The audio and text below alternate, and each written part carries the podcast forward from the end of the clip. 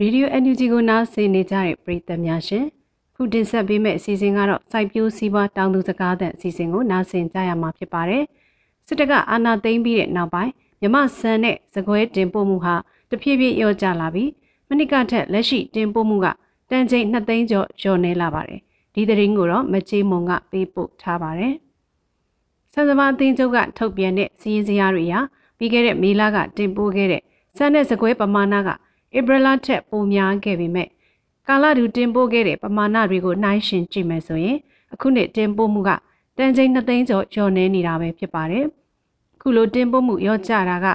အထက်မြန်မာပြည်ရဲ့စပယ်ကြီးလို့တင်စားရမယ်။စကိုင်းတိုင်းလိုတိုင်းဒေသကြီးတွေမှာစစ်တပ်ကရွာလုံးကျွတ်မိရှို့တာဒေသခံတွေကိုတပ်ဖြတ်နေတာကစံစဘာစိုက်ပျိုးထုတ်လုပ်တဲ့လုပ်ငန်းကိုအကြီးအကျယ်ထိခိုက်စေပါတယ်။ဒီအခြေအနေကိုရွှေဘုံမြို့ခြေဆိုင် စံစဘာလုပ်ငန်းလုပ်ကိုင်သူတဦးကအခုလိုပြောပါတယ်။20%ကတော့ကျွန်တော်တို့ရေမြေဟိုရာသီဥတုကြောင့်မဟုတ်ဘူး။အဲ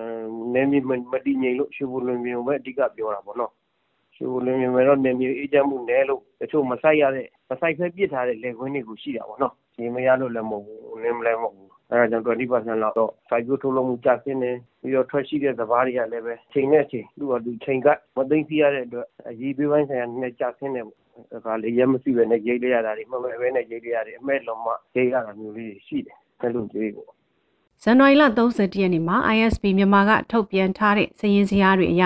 စကိုင်းတိုင်းအတွင်းရှိနေအိမ်အဆောက်အုံပေါင်း16000ကျော်မိရှုဖျက်ဆီးခံခဲ့ရပြီး အဲ့ဒီပမာဏကတနိုင်ငံလုံးလောင်ကျွမ်းမှုရဲ့81ရာခိုင်နှုန်းရှိပါတယ်။ဒါအပြင်လူပေါင်း8သိန်းနီးပါးဖြစ်တဲ့စကိုင်းတိုင်းရှိလူဦးရေရဲ့15ရာခိုင်နှုန်းဟာလည်းစစ်ဘေးရှောင်နေကြရပါတယ်။ဒါကြောင့်ရာသီပိုးမွှားနဲ့ယောဂအမီစိုက်ပျိုးထုတ်လို့ရတဲ့ဆန်စပါးအပါဝင်တိနံစိုက်ပျိုးထုတ်လုပ်တဲ့လုပ်ငန်းကိုမလုပ်နိုင်ကြတော့ပဲ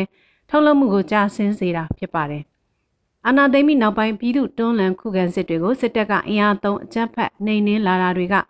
စကိုင်းမကွေးစတဲ့ဒေသတွေမှာစပိုင်းဆိုင်ဧကတွေရောကျလာပြီးစားနှိတ်ခါအကျက်တဲတွေနဲ့ပါရင်ဆိုင်နေရပါတယ်။စစ်တပ်ကပို့ကုန်ရငွေတွေကိုဈေးကွက်ပေါက်ဈေးအတိုင်းခံစားခွင့်မပေးဘဲ65 35အချိုးနှုံးနဲ့လဲလှယ်စေပြီးခေါင်းပုံဖြတ်လိုက်တာကလည်းစံနဲ့စကွဲတင်ပို့မှုရော့ကျလာရခြင်းရဲ့အကြောင်းရင်းတစ်ရပ်ဖြစ်ပါတယ်။စံနဲ့စံတွက်ပစ္စည်းတွေကိုတံမိုးမြင့်ထုတ်ကုန်အမဲသစ်ထုတ်လုပ်လာနိုင်အောင်ဆောင်ရွက်ပေးနိုင်တာမျိုးမရှိဘဲ ကုန်ကျန်းတင်ပို့မှုကိုနှောင့်နှေးအောင်ပြုလုပ်လာတာက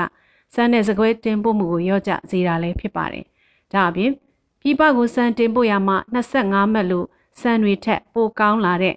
10မှတ်5မှတ်စံတွေကိုတင်ပို့လာကြတဲ့အခါရွေသေးကောင်းစပားစိုက်ပျိုးထုတ်လုပ်တဲ့ပုံစံဖြင့်ပြည်ရင်းစံစားသုံးမှုပုံစံမှာပြောင်းလဲလာပါတယ်။ဒါကြောင့်ပြည်ရင်းမှာစံပိုကောင်းလို့ဈေးပိုပေးလာတာက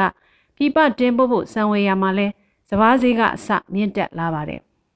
စပားဈေးကောင်းလာတာကတောင်သူတွေအတွက်ကောင်းမှုစေပြီးစံတင်ပို့သူတွေမှာလက်တလော့အကျိုးမြတ်နေလာတဲ့အတွက်စံတဲ့စကွဲတင်ပို့မှုရော့ကျစေတာဖြစ်တယ်လို့ AR တိုင်းဒေတာကြီးမှာစပားလုပ်ငန်းကျွမ်းကျင်သူတို့ကအခုလိုပြောပါတယ်ဆန်က